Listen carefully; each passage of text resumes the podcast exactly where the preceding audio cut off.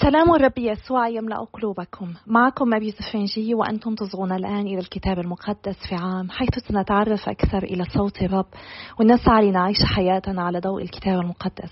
لقد وصلنا إلى اليوم المئة والواحد والأربعون وقد بقي لنا فقط اليوم وغدا في سفر صموئيل الثاني وسفر الأخبار. وكما قلت بالأمس نحن نصل إلى ختام حياة داود وسننتقل إلى ملك سليمان. اليوم سنقرأ الفصل الثالث والعشرون من صموئيل الثاني والفصل الثامن والعشرون من الأخبار الأول وسنصلي المزمور الثاني والأربعون. صموئيل الثاني الفصل الثالث والعشرون. كلمات داود الأخيرة. هذه كلمات داود الأخيرة. كلام داود بني يسى كلام الرجل المرفوع شأنه مسيح إله يعقوب ومرنم مزامير إسرائيل. روح الرب تكلم بي وكلمته على لساني. قال إله إسرائيل كلمني صخرة إسرائيل البار الحاكم في البشر الحاكم بمخافة الله. كضوء الصباح عند شروق الشمس كصباح لا غيم فيه يلألئ عشب الأرض بعد المطر. أليس هكذا بيتي لدى الله؟ فإنه عاهدني عهدا أبديا محكما في كل شيء ومحفوظا. أفلا ينبت كل خلاصي وجميع هوايا؟ فأما الذين لا خير فيهم فكلهم كالشوك ينبذ فلا يمسك باليد. فمن مسهم يتسلح بحديد وبقناة رمح فيحرقون بالنار في مكانهم. أبطال داود وهذه أسماء أبطال داود. إشبعل الحكموني رئيس الثلاثة وهو عدين العصني قام على الثمانمائة فقتلهم بمرة واحدة. وبعده أليعازر بن دود العاحوحي وهو أحد الأبطال الثلاثة الذين كانوا مع داود حين عيروا الفلسطينيين الذين كانوا مجتمعين هناك للقتال. فتراجع رجال إسرائيل من أمامهم. أما هو فقام وضرب الفلسطينيين حتى كلت يده ولصقت بالسيف. وصنع الرب نصرا عظيما في ذلك اليوم ورجع الجند وراءه للنهب فقط. وبعده شمة بنو آجئ الهراري وكان أن الفلسطينيين اجتمعوا في لحية وكانت هناك قطعة حقل مملوءة عدسا فانهزم الجند أمام الفلسطينيين. أما هو فوقف في وسط الحقل وأنقذه وضرب الفلسطينيين وصنع الرب نصرا عظيما. ونزل ثلاثة من الثلاثين وأتوا إلى داود أوان الحصاد في مغارة عدلام وكانت قوة فلسطينية معسكرة في وادي رفائيم وكان داود حينئذ في الحصن ومفرزة للفلسطينيين في بيت لحم. فتأوه داود وقال من يسقيني ماء من البئر التي عند باب بيت لحم؟ فاخترق هؤلاء الأبطال الثلاثة معسكر الفلسطينيين واستقوا ماء من البئر التي عند باب بيت لحم وحملوه وأتوا به إلى داود فلم يشأ أن يشرب منه بل أراقه للرب وقال حاش لي يا رب أن أفعل هذا أليس هذا دم قوم خاطروا بأنفسهم؟ ولم يرد أن يشرب. هذا ما فعله هؤلاء الأبطال الثلاثة. ثم أبيشاي أخو يؤاب وابن صرويا وهو رئيس الثلاثة فقد أشرع رمحه على الثلاثمائة وقتلهم وكان له اسم بين الثلاثة. أولم يكن أشد الثلاثة كرامة؟ وأصبح لهم قائدا إلا أنه لم يبلغ مرتبة الثلاثة. ثم بنايا بنو يداع ابن ذي بأس كثير المآثر من قبصائيل وهو الذي ضرب بطلي مؤاب ونزل وضرب أسدا في وسط جب يوم الثلج وضرب رجلا مصريا ذا منظر وكان في يد المصري رمح فنازله بالعصا وخطف الرمح من يده وقتله برمحه. هذا ما فعله بنايا بنو يداع وكان له اسم بين الأبطال الثلاثة وكان أشد الثلاثين كرامة. إلا أنه لم يبلغ مرتبة الثلاثة فجعله داود من حرسه الخاص. ثم عسائيل أخو يؤاب وهو من الثلاثين وألحنان بن دود من بيت لحم وشمة الحرودي وأليق الحرودي وحالص الفلطي وعير بنو عقيش التقوعي وأبي عازر العناتوتي وسبكاي الحوشي وصلحون الأحوحي ومهراي النطوفي وحالب بنو بعنة النطوفي وإتاي بنو رباية من جبع بني بنيامين وبنايا الفرعتوني وهداي من أودية جاعش وأبي علبون العربتي وعزموت البرحمي وأليحب الشلعبوني وياشين الجني ويوناتان بنو شمة الهراري وأحيام بنو شرار الأراري وأليفالة بنو أحسباي بنو المعكي وآلعام بنو أحيتوفل الجليوني وحصراي الكرملي وفعراي الأربي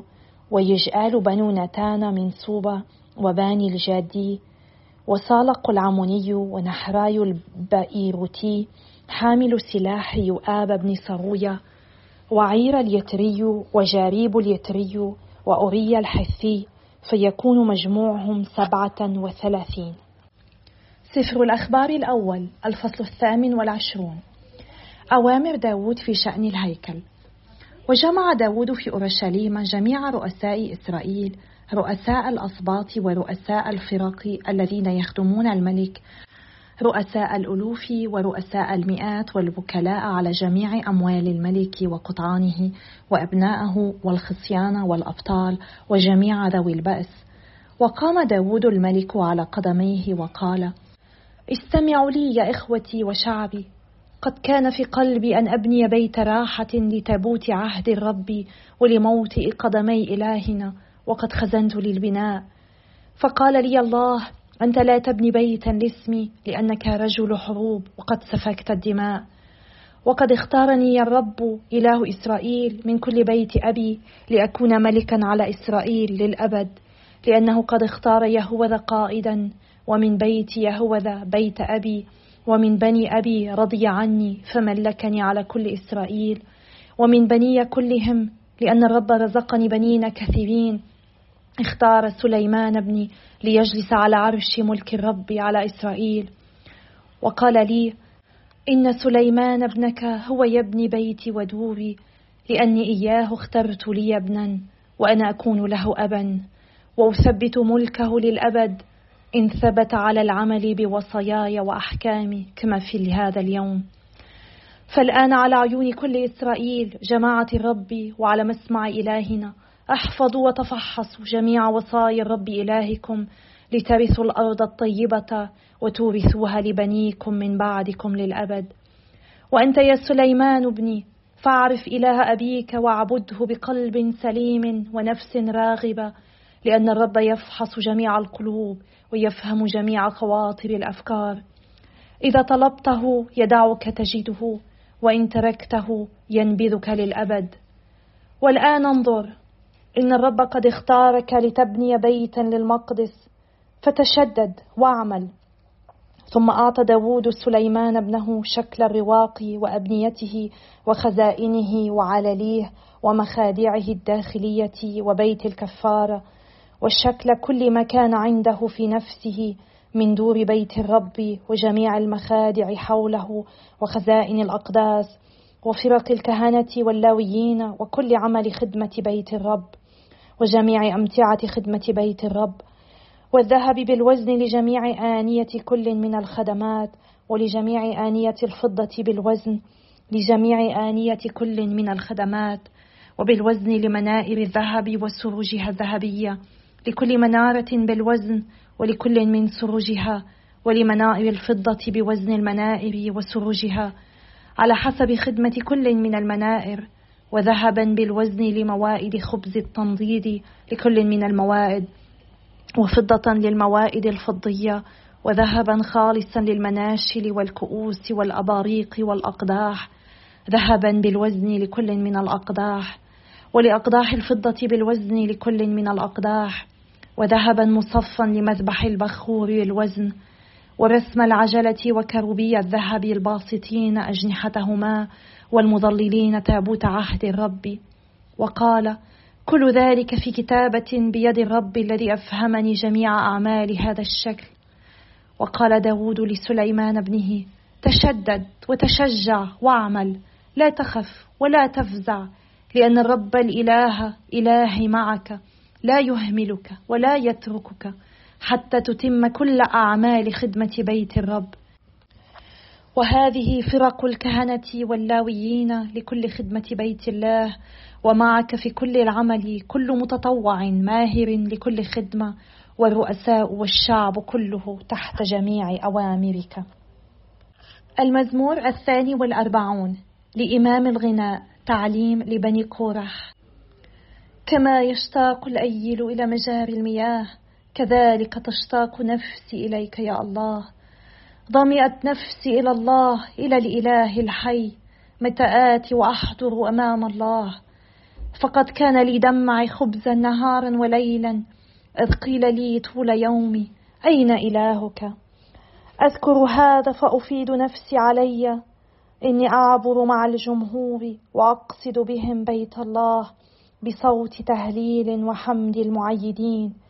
لماذا تكتئبين يا نفسي وعلي تنحين ارتجي الله فإني سأعود أحمده وهو خلاص وجهي وإلهي. تكتئب نفسي في فلذلك أذكرك. من أرض الأردن وجبال حرمون من جبل مصعار غمر ينادي غمرا على صوت شلالاتك جميع مياهك وأمواجك قد جازت علي. في النهار يأمر الرب رحمته. وفي الليل نشيده عندي صلاة لإله حياتي. أقول لله صخرتي لماذا نسيتني؟ ولماذا أسير بالحداد من مضايقة العدو؟ عند تردد عظامي عيرني مضايقية بقولهم لي النهار كله أين إلهك؟ لماذا تكتئبين يا نفسي وعلي تنحين؟ ابتغي الله فإني سأعود أحمده. وهو خلاص وجهي وإلهي. يا أبانا السماوي إننا نشكرك إننا نحمدك نشكرك بشكل خاص على مزمور اليوم. نحن نتذكر أنه يمكننا أن نسأل أين أنت يا الله؟ في الواقع لا يتم فقط تفكيرنا في هذا السؤال أين أنت يا الله؟ غالبا يا رب نواجه هذه الأسئلة أين هو إلهك؟ إذا كنت حقا تؤمن به وإذا كان هو يساندك ويحبك دلني عليه. أين هو؟ يا رب في بعض الأحيان نحن نطرح هذه الأسئلة. في بعض الأحيان الشرير يكون هو الذي يتهمنا بعدم وجودك أو الأشخاص الذين حولنا. ولكن يا رب في هذه اللحظة نحن ندرك أين أنت. نحن ندرك أنك معنا وأنك لأجلنا وأنك تريد خيرنا وأنك دائما أبدا تساندنا. لذلك يا رب نحن نسبحك ونمجدك ونعلن عن إيماننا بك. أنت الذي كنت دائما أمينا لكل وعودك وقلت أنك ستبقى معنا إلى منتهى الدهور أنت معنا دائما وبدونك نحن لا نستطيع أن نفعل شيء. معك يا رب نستطيع أن نفعل كل شيء. يا أبانا السماوي. أعطنا أن نكون قريبين منك دائما ولا تدعنا نبتعد عنك. باسم يسوع نصلي آمين. بسم الله والابن والروح القدس الإله الواحد آمين. في سفر الأخبار قرأنا أن داود سلم زمام الأمور لابنه سليمان. وعلى الرغم من أن سليمان بدأ حكمه كأنه قوي إلا أنه لم ينتهي كحاكم قوي. سليمان بدأ بحكمة عظيمة ولكنه في النهاية ضيع هذه الحكمة وأدار ظهره للرب. ولكن الرب لا يدير ظهره لشعبه وهذا ينطبق علينا نحن أيضا. الرب أبدا لا يدير ظهره لنا هو لا يتخلى عنا أبدا. قد نبتعد نحن عنه ولكنه هو دائما ينتظرنا هو دائما مستعد لمساعدتنا دائما بانتظارنا. هو يحبنا دائما. لا شيء يمكنه أن يوقفه عن حبنا. في سفر صموئيل اليوم سمعنا قصص رجال داود الأقوياء الثلاثة. ومن خلال ما قرأناه نرى أن داود كان يدرك أنه هو بحاجة لكل هؤلاء الأشخاص حولهم كي يتمم ما يطلبه منه الرب ما يدعوه ليفعله. هو يدرك أنه لا يمكنه أن يفعل هذه المهمة بمفرده. كم مهم أن ندرك ونشكر هؤلاء الأشخاص الذين يساعدوننا على إتمام مهامنا. فلنطلب من الله النعمة لهم التي هم بحاجة إليها. ونشكر الله لهؤلاء الأشخاص. داود أيضا كان يسبح الرب في كل شيء. هو مدح الله في كل الظروف علينا نحن أيضا أن نتعلم أن نفعل ذلك. أن نشكر الرب في الأيام الجميلة والأيام الصعبة وأن ندرك أهمية دور كل الأشخاص الذين وضعهم الرب في حياتنا وأن نحمدهم على كل ما فعلوا ويفعلونه معنا. فلنقضي بعض الوقت اليوم لنسأل الرب أن يعيننا على العطاء. ولنشكره على كل الأشخاص الذين أعطانا إياهم. ولنطلب النعمة لبعضنا البعض كي نكون قادرين على مساعدة الآخرين كما يجب. قبل أن أختم أود أن أعلق على نقطتين إضافيتين نقطة قد نسيتها من سفر الأخبار. ما قاله داود لشعبه هو ختم كلمته لرؤساء شعبه بضرورة حفظ وصايا الله والخضوع له حتى تظل أرضهم ميراثا لهم. وهي رمز للأرض الجديدة أي ملكوت السماوات. هذه العظة التي أعطاها داود بمسمع من الرب. كان يريد أن يذكر شعبه أن يبقى أمينا للرب أن يصغي إلى الرب دائما. هو طلب منهم أن يحفظوا ويتفحصوا جميع وصايا الرب حتى يرثوا الأرض الطيبة ويورثوها لبنيهم. وهو شجع ابنه سليمان أن يعرف إله أبيه أن يعبده بقلب سليم ونفس راغبة. وذكره أن الرب يفحص جميع القلوب ويفهم جميع خواطر الأفكار. وعندما نطلبه عندما ندعوه نجده. وإن تركناه ينبذنا للأبد. علينا أن نصغي لهذه الكلمات ونعتبرها موجهة لكل واحد منا. فلنعتبر هذه المسيرة مع الكتاب المقدس فرصة لنا كي نعرف الرب أكثر ولا نكتفي فقط بها بل نقضي وقتا تأمليا بهذه الكلمات التي نسمعها. كي نتعرف إلى الرب أكثر كي نبني علاقة شخصية معه كي نستطيع أن نعبده أكثر بقلب سليم ونفس راغبة. ولنطلب منه النعمة كي نتشدد ونعمل كما هو يطلب منا فنشهد له كما هو يستحق. لأنه هو ينتظر منا نحن أن نعكس صورته لهذا العالم. هذا يذكرني بكلام الرب يسوع لرسله عندما أعطاهم الوصية الجديدة في إنجيل القديس يوحنا الذي قرأناه منذ بضعة أسابيع. في الفصل الثالث عشر حين قال وصية جديدة نعطيكم. أن تحبوا بعضكم بعضا. أجل أن تحبوا بعضكم بعضا كما أنا أحببتكم. بهذا يعرف الجميع أنكم تلاميذي. إن كان فيكم حب بعضكم لبعض. فلنطلب من الرب النعمة كي نشهد له نعيش وصياه. نعيش بحسب كل ما يطلبه منا. نعيش هذه المحبة فيتعرف إليه الآخرون من خلال محبتنا من خلال شهادتنا. لأننا نعيش في عالم مظلم جدا في عالم بأمس الحاجة ليختبر محبة الله. وقد نكون نحن الإنجيل الوحيد الذي سيقرأه بعض الأشخاص. فلنعكس إنجيل محبة إنجيل فرح لكل الأشخاص. مزمور اليوم من أروع المزامير التي حفظناها منذ طفولتنا وغالبا ما رددناها. وقد قومت الرغبة في ترنيمها. إن كاتب المزمور يعاتب نفسه في الآية الرابعة لأنها انحنت انكسرت وضعفت أمام تعيير الأعداء الذين قالوا لها أين إلهك؟ من كثرة الضيق صارت تئن وتتوجع وهذا لا يتفق مع الإيمان والرجاء في الله. فلا بد أن تحتمل النفس الضيقة برضا وثبات في الإيمان ما يحدث لها. المشكلة في نفسه هي ضعف الإيمان. لو كانت ثابتة في الإيمان لما ضعفت أمام تعييرات الأعداء. لذلك علينا أن نصلي أكثر من أجل بعضنا البعض. لكي يزيد إيماننا لكي نثبت في إيماننا فلا نضعف أمام تعييرات الآخرين. وكاتب المزمور أيضا ينادي نفسه أن تترجى الله ويكشف عن الجانب الحلو في داخله الذي يتصارع مع الأنين. ويقول داود إني ما زلت أحمد الله وأشكره. على كل ما يسمح لي به حتى ولو كان صعبا. وأنا أرى وجه الله فأرى خلاصي الذي لا بد أن يتم وتنتهي هذه الضيقة.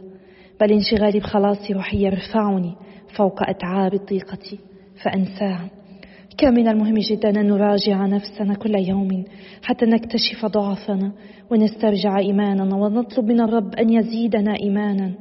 أن يزيدنا قوة في حياتنا الروحية حتى نعود إليه بالتوبة وننهض ونحيا معه ونتمتع بصداقته. ولنستمر بالصلاة من أجل بعضنا البعض.